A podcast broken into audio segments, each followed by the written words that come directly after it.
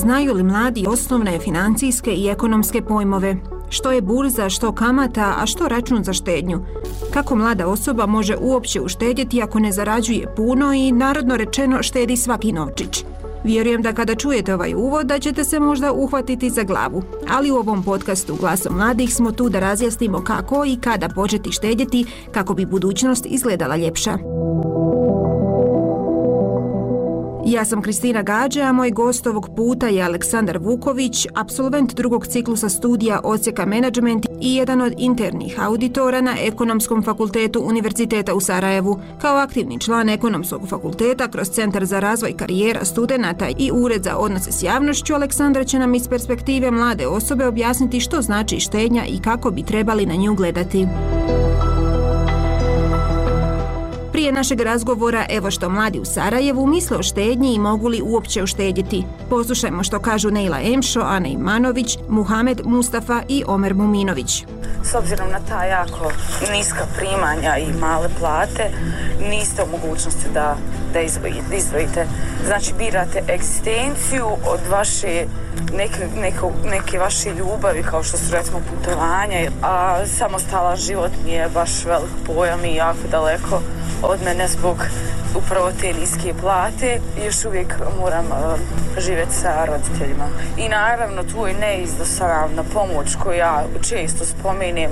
Rodina ovaj, koja živi u inostranstvu često ovaj, pomogne I... Pa u suštini nije problem nužno do mladih njihove ušteđevne, više je problem do njihovih nekih ličnih korištenja novca u smislu da bacaju na neke nebitne stvari, malo da barataju novcem najbolje, a druga stvar nije nužno da nema prilika za mladi ili da su niske plate, nego više da su u našim društvu nekako gledaju na te poslove kao trebaju da budu dugoročni, a u isto vrijeme da budu pun nekog novca, pun nekih prilika. Evo ako gledamo Sarajevo i standard života u Sarajevu, zavisno se toga odakle dolaze mladi, iz koje sredine za oni koji ne dolaze iz Sarajeva, onda za njih jednostavno su i promorali na taj način nekakve štednje, jer jednostavno dosta stvari oskaču do ono gdje dolaze od pozicije od same kakve koja je duplo skuplja nego iz kraja iz kojeg dolaze, do o, neki obični stvari, ali o, zavisi to je od osobe do osobe individualno, tako da generalno, ko želi može. U nekom scenariju gdje žive sa roditeljima rade, gdje se nekako troškovi, barem prividno, jednako podijele, mislim da mladi mogu sebi štediti za izlaske, za neke svoje hobije, ne znam, ja sam ljubitelj knjiga, instrumenta, mislim da se može. Ali ako se može skromno živjeti, samo u tom slučaju. Za neke velike stvari trebamo objeručke prihvatiti problem i raditi na sebi maksimalno. Ništa ne pada s neba. Tako sam ja naučio. Koliko god je teška situacija, mladi se moraju pokušati na neki način boriti. Naravno, svjedoci smo sve većem broju ljudi koji odlučuju napusti Bosnu i Hercegovinu, prije su to bili samo neki mladi od nekih 20, 25 godina, 30, sada idu čitave porodice. Ja mislim da to treba ostati neka zadnja solucija koju čovjek treba da poduzme. Pa iskreno mislim da mladi mogu biti neovisni ukoliko se dovoljno potrude i ukoliko imaju želju za radom, jer zaista evo u Sarajevu kao mlada osoba e, mogu reći da se posao može pronaći, ali treba mnogo truda i zalaganja i apliciranja na razne konkurse.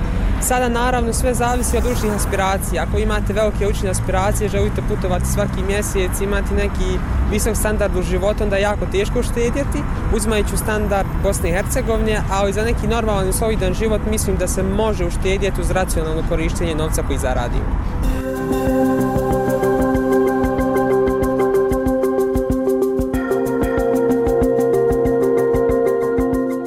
Aleksandre, hvala što si uh, se uključio da budeš dijelom uh, našeg podcasta Glasom mladih i što pričamo na ovu temu financijske pismenosti koja je jako bitan pojam u Bosni i Hercegovini, a saznaćemo i zašto. Hvala tebi, uh, draga Kristina, na pozivu. Zaista mi je zadovoljstvo što sam danas ovdje i što možemo razgovarati o veoma značajnoj temi, kako za mlade, a ja bih rekao i za starije stanovništvo uh, Bosne i Hercegovine. Aleksandre, absolvenci drugog ciklusa studija Ekonomskog fakulteta Univerziteta u Sarajevu, Sarajevu, ocijek management. Da. Što je za tebe kao studentu štednja? Kako bi definirao taj pojam? Mislim da je štednja sve ono što odvajamo sa strane, jeli, mogu tako slobodno reći, kako bi sebi priuštili nešto što dugo vremena želimo. Naravno, ne mora to biti samo nešto materijalno, to može biti i odlazak na neku drugu destinaciju van granica jeli, zemlje u kojoj živimo ili može biti odvajanje novca za neki poklon koji želimo jeli, da poklonimo nekoj našoj dragoj osobi,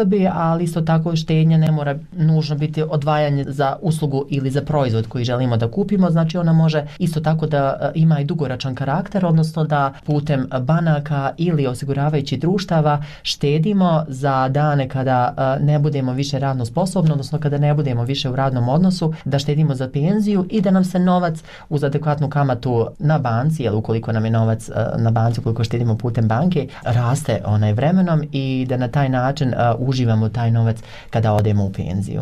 Reci mi u razgovoru sa evo mladima i sa studentima ekonomije, je li oni štede? Koliko je za njih to praksa štedjeti i misliti tako na budućnost?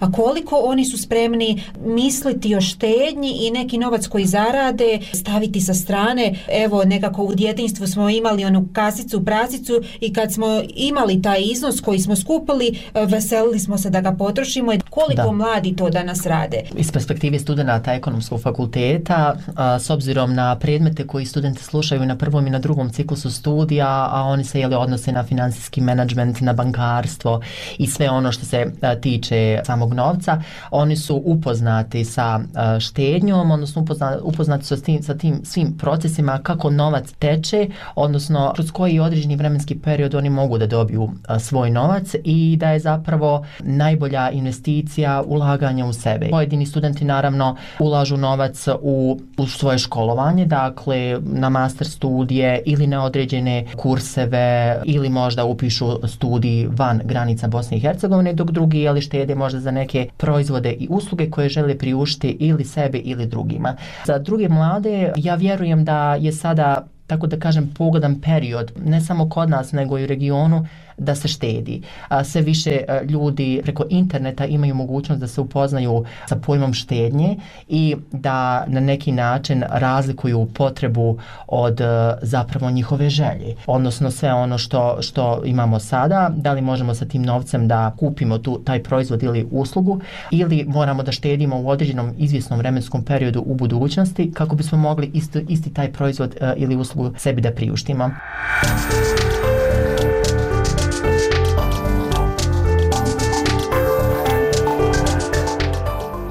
Istraživanje Internacionalnog univerziteta u Sarajevu da pokazuje da postoji umjereni nivo financijske pismenosti u Bosni i Hercegovini. Što studenti ekonomije proučavaju na fakultetima, je li im potreban taj vizualni aspekt i primjer iz prakse da bi oni razumjeli te financije? Pa, e, znate kako, mnogi studenti pa i samo stanovništvo je e, kroz internet i televiziju upoznato sa određenim e, financijskim finansijskim pojmovima, ali mnogima to zvuči strano zato što se u, ne susreću baš često sa tim terminima, pogotovo učenici i studenti koji, koji nisu pri ekonomskoj struci, tako da kažem, predmeta u srednjoj školi ili nisu na ekonomskim fakulteti, na fakultetima pri univerzitetima. Stoga je veoma važno da edukacija o finansijskoj pismenosti krene od najranije dobe, dakle da se putem edukacije u osnovnim i srednjim, naravno, školama priča o finansijskim osnovnim pojmovima,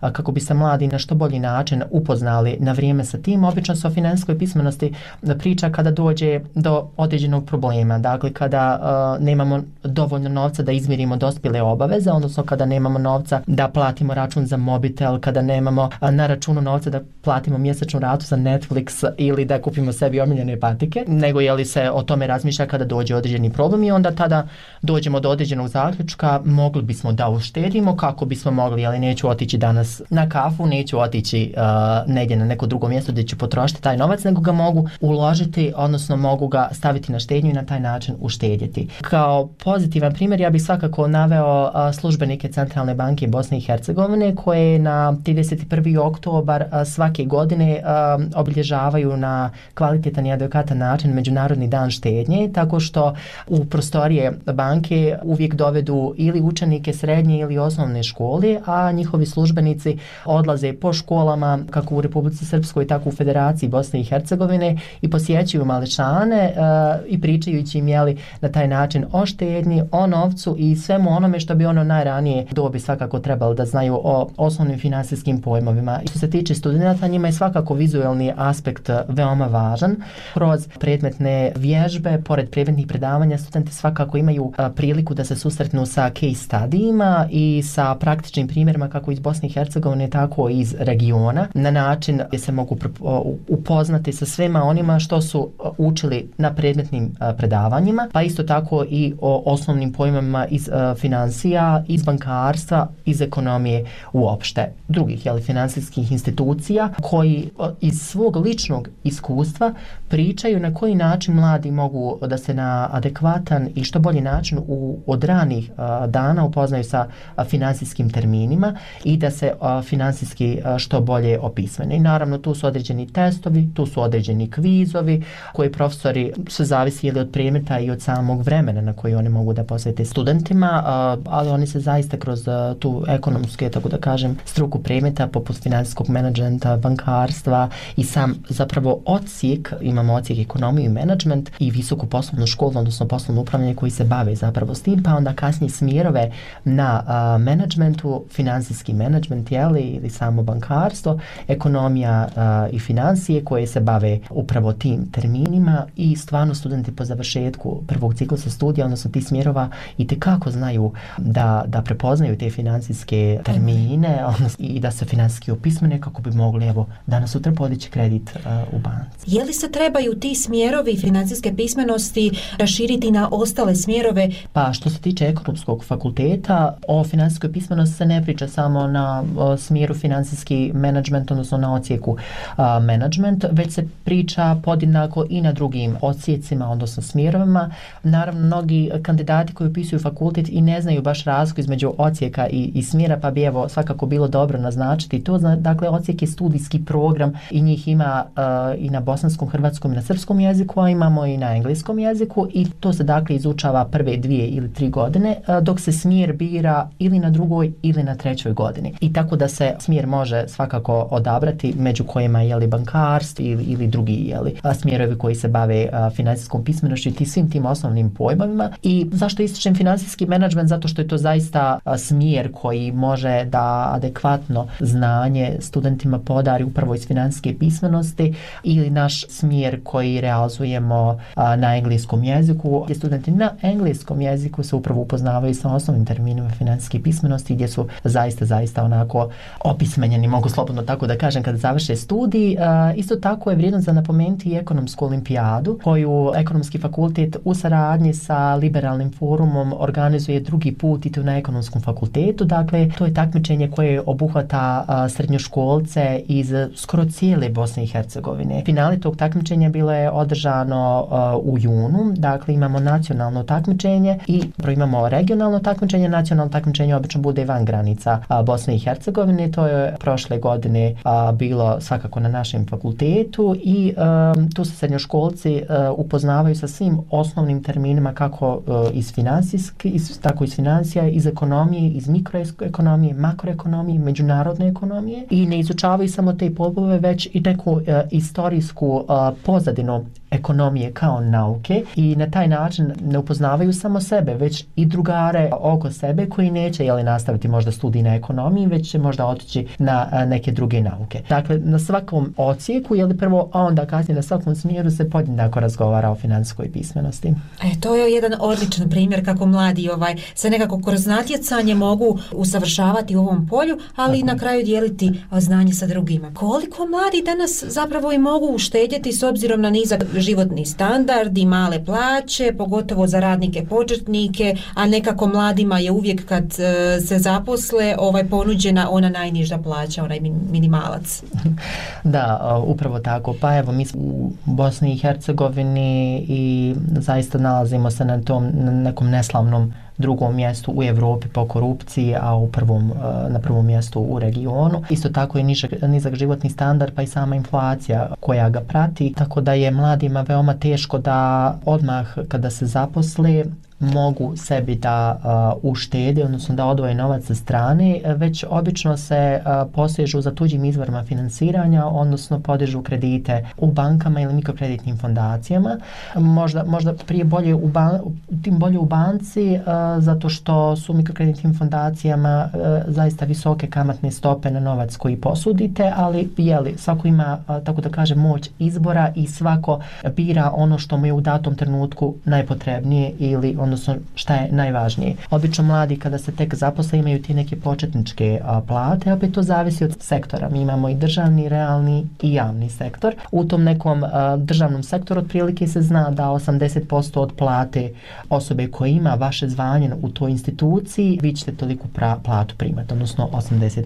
Dok u ovim ostalim sektorima je nešto malo drugačije, a, zavisi u preduzeću u kojem jeli, onaj, se zaposlite za početak, vi imate zaista odlične a, početne plate plate na određenim, u određenim preduzećima.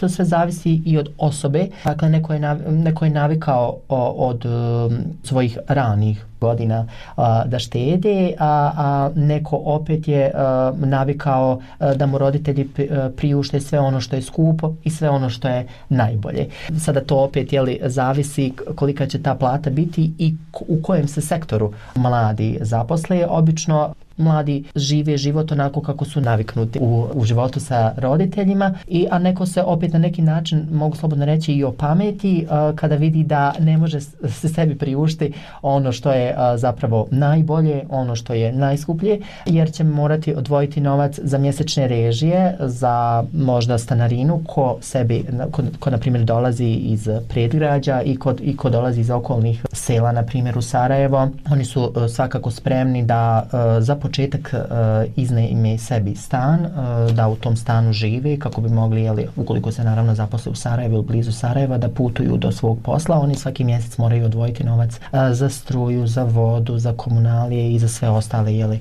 uh, mjesečne potrebšte. Moraju jeli, sebe priuštiti i uh, hranu, platiti uh, vodu uh, i sve ostalo. Naravno i prevoz isto tako se onaj plaća, pa sad to je individualno zaista da li će se kretati sredstvima javnog saobraćaja ili će koristiti taksi.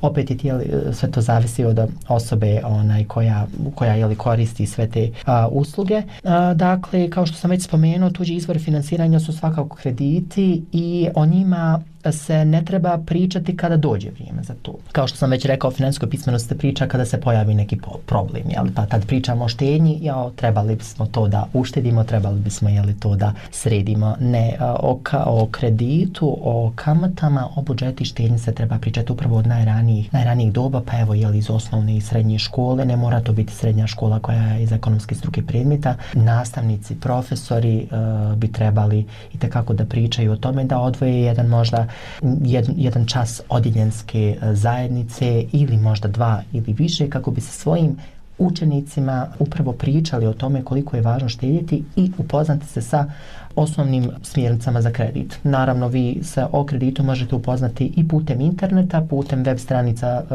bosansko-hercegovačkih banaka, jer one zaista imaju dobre web stranice i možete se jeli, upoznati sa njima, naravno i sa kreditnim službenicima i sa ljudima koji rade u banci.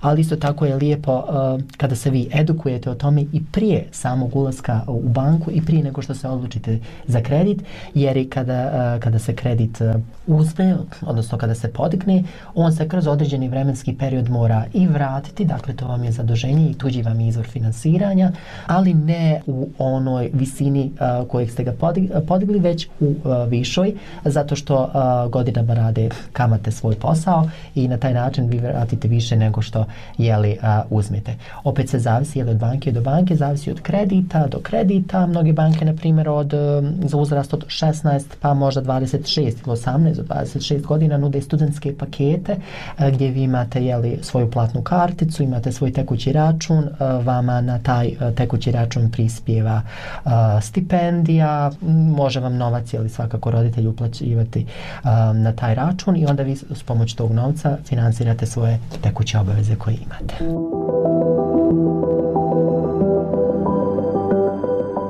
U bosansko-hercegovačkom društvu koje ima nizak životni standard i male plaće, mladi često pronalaze alternative uštede. U modernom vremenu često je popularan taj minimalistički život kojim se želi uštedjeti svaki dan. Je li to može biti jedno od rješenja za financijsku stabilnost mladih? Smatram da ne, ne baš minimalistički u smislu da se moramo odreći uh, nekih osnovnih svojih uh, sredstava, tako da kažem da, da ne odemo bar uh, jedan put u bioskop, da ne odemo jedan put u pozorište da odgledamo predstavu ili jeli da ne platimo sebi račun za Netflix. Dobro, Netflix može da može da pričeka, ali uh, mislim da, da, da minimalistički život nikome nije uh, izbor, nego da su upravo od uh, tih ranih e, doba treba uh, misliti o štednji i u onom periodu kada imamo najviše novca uh, trebali bi da razmišljamo uh, za budućnost, odnosno da odvojimo na stranu taj novac, uh,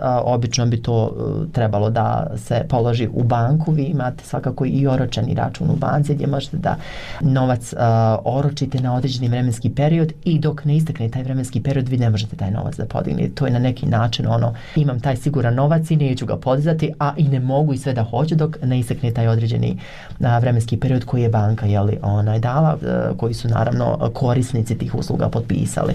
S obzirom je li sada na, na današnju situaciju i na vrijeme i dobu u kojem živimo, mislim da se može a, izbjeći minimalistički jeli, život, odnosno može se pronaći u početku i pristojan posao i na taj na, i od tog novca jeli, odvajati uh, za, za nešto u budućnosti što želite sebi da priuštite i to obično nešto veliko.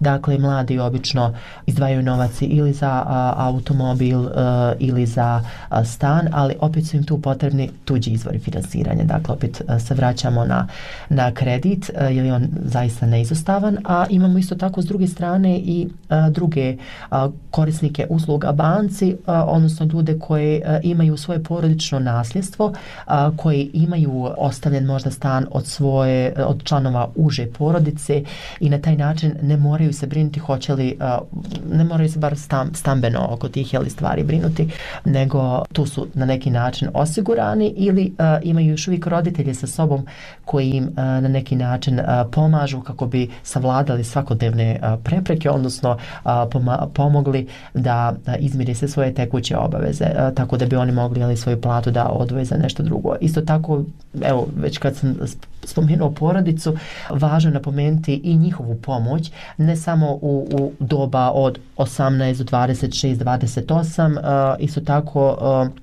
u ovom podnevnju imamo ljude koji imaju preko 26 godina žive sa svojim roditeljima, dakle roditelji ili rade ili su a, u penziji i na sve moguće načine pomažu a, svoju djecu a, kako bi oni mogli pronaći a, svoj, svoje adekvatno zaposlenje, odnosno prvo zaposlenje. Ili su to neki honorar, honorarni poslovi ili su a, poslovi koji su vezani za ugovor o dijelu, ali a, svakako a, vremenom se može uštedjeti da, da se ne bi minimalistički živjelo. Naravno, u početku će biti mnogo, mnogo odricanja i a, mnogo na neki način a, će vam možda, možda će vam se u jednom trenutku dogoditi i reći a, pružila mi je se sada ova prilika i sigurno više neće, ali a, vjerujte, vremenom sve dođe na svoje mjesto i a, svakome će biti onako kako je najbolje za njega. A što misle financijski stručnjaci? Razgovarala sam s Farukom Hadžićem, doktorom ekonomskih nauka i predavačem na Univerzitetu Sarajevo School of Science and Technology. O tome imaju li mladi financijska sredstva za uštedu novca, imajući u vidu visoku nezaposlenost mladih u Bosni i Hercegovini, ali i regiji. Kada govorimo generalno o financijskoj pismenosti, to je u stvari na neki način kako naše stanovništvo razumije osnovne neke financijske tokove, finansijske pojmove koji su a, koji su bitni za vođenje svakodnevnog života. Ono što mogu reći iz svog nekog dosadašnjeg iskustva rada na mnogim klinicima opukama jeste da mnogi naši građani baš ne razumiju osnovne ekonomske pojmove, finansijske pojmove oko stvari koje bi trebali da poznaju i danas se pitati koja je razlika između nominalne ili realne plate, između realne ili nominalne kamatne stope i tako dalje. Mnogi vam neće uopšte znati dati tačan precizan odgovor. Zvančna statistika čak pokazuje nekoliko različitih vrijednosti. Imate rekstravanu e, zaposlenost, imate e, zaposlenost i nezaposlenost prema anketi o radnoj snazi, tako da tu postoje određene variacije, ali mislim da nije to toliko možda značajan problem koliko je generalno neka nezainteresovanost da se, da se sazna, nauči nešto ono što, što je vezano za stvarni, za stvarni život. Tako da problem generalno kod mladih osoba iz nekog ličnog iskustva jeste što se na početku postavljaju poprilično visoke ambicije i ciljevi koje možda u nekom kratkom roku nisu baš jednostavno za ostvariti. E, tu postoji nekada e, problem ta prevelika ambicija u skladu sa vlastitim mogućnostima. Zbog toga je potrebno e, mladoj osobi da na početku što više stiče različitog iskustva, da, da, gradi, e, da gradi svoj nivo znanja, da uči, da se edukuje i onda kroz relativno kratko vrijeme ta mlada osoba može e, kroz taj nivo e, znanja koji posjeduje, iskustvo koje je steklo, dostići dosta, dosta dalje, dosta veće pozicije.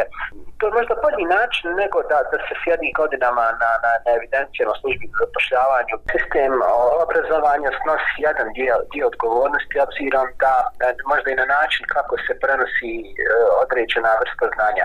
Ako imate malo možda i drugačiji pristup u obrazovanju, jer će se kroz neki praktični primjer, simulaciju, uključivanje studenta, učenika, objasniti koncept e, recimo bruto ili neto plate, onda takve osobe mogu daleko bolje shvatiti ono što se dešava i na samom tržištu naravno, ali generalno u ekonomiji. Naprimjer, neki teoretski profesor može pričati o teorijama oporezivanja, kako je koja ekonomska škola pričala, kako treba oporezovati abstraktni koncept koje možda neko neće ne uopšte ne razumijeti. Neće znati uopšte na taj način što je bruto, što je neto plata. Međutim, ako vi sada dođete kroz jedan potpuno drugi pristup i mladoj osobi, recimo, donesete hiljadu konvertibilnih maraka kroz neke specimene novčanice i kažete ovo je vaša zarađena bruto plata koju ste vi zaradili. A onda oduzmete odmah automatski 400 maraka i kažete ovo su doprinosi porezi koje ste vi platili, to što vam je ostalo je 600 maraka, to je, to je vaša zarađena neto plata, garantujem da će ta osoba samo zato što je uključena i vidjela i osjetila i iskusila takav jedan koncept odmah naučiti i znati šta je razvoj među bruto i neto plate. Bitno je da, da imate što više ovakvih praktičnih simulacija, prikaza, videa, različitih situacija, kritičkog razmišljanja, dosta diskusije. Nije danas problem zaraditi dovoljnu količinu, dovoljnu količinu novca, međutim potrebno je, uvažavajući sve ove nove okolnosti koje generalno imamo na, na, na tržištu i snažan razvoj i rast freelancinga, remote rada od kuće, sve ono što nam je u stvari došlo nakon pandemije covid i prepoznati kroz uređeni sistem zakonodavstva u Bosni i Hercegovini. U tom kontekstu potrebno je sigurno razmišljati o napređenju zakona o radu gdje se te pojedine nove kategorije uvele u zakon o radu, prepoznale jer nije problem platiti porez ali je, uh, ili, ili neki doprinos ili neku drugu taksu, ali je vrlo bitno da, da imate uh, i određeni benefit korist od toga što vi plaćate, to je ono što danas mi u stvari nemamo u Bosni i Hercegovini kod tih takvih mlađih osoba. Što se tiče generalno regija, i, i Bosna i Hercegovina, tu postoji vrlo skromni napredak, pogotovo ekonomski napredak, pogotovo na putu ka Evropskoj uniji, tako da mi nekako previše naglašavamo ovu političku uvijek dimenziju napretka prema Evropskoj uniji, zanemarujemo ovu ekonomsku dimenziju. U prvim pasima ekonomske sekcije, ekonomskog kriterija navedeno da je Bosna i Hercegovina tek na začetku onoga što se zove tržišna ekonomija. Jako puno možete naći besplatnih kurseva, jako puno video materijala gdje možete do, mnogo toga naučiti. Dakle, tu sada treba malo možda i više volje od, od, samih, od samih naših mladih da istražuju, da uče, da, jer je sve danas dostupno, gotovo, besplatno. Naravno, ako želite čak neke i profesionalne certifikate, možete ih platiti, ali to nije neki preveliki financijski izdatak, ali je bitno da danas je znanje uvijek na dohvat ruke. Kako sada razumijemo novac i hoćemo li dva put razmisliti prije nego ono što je namijenjeno za ušteđevinu odmah potrošimo? Moć novca je velika, ali i naša moć odlučivanja gdje treba ići ono što zaradimo. Odabrati lagodnu sadašnjost ili ljepšu budućnost, pitanje je sad.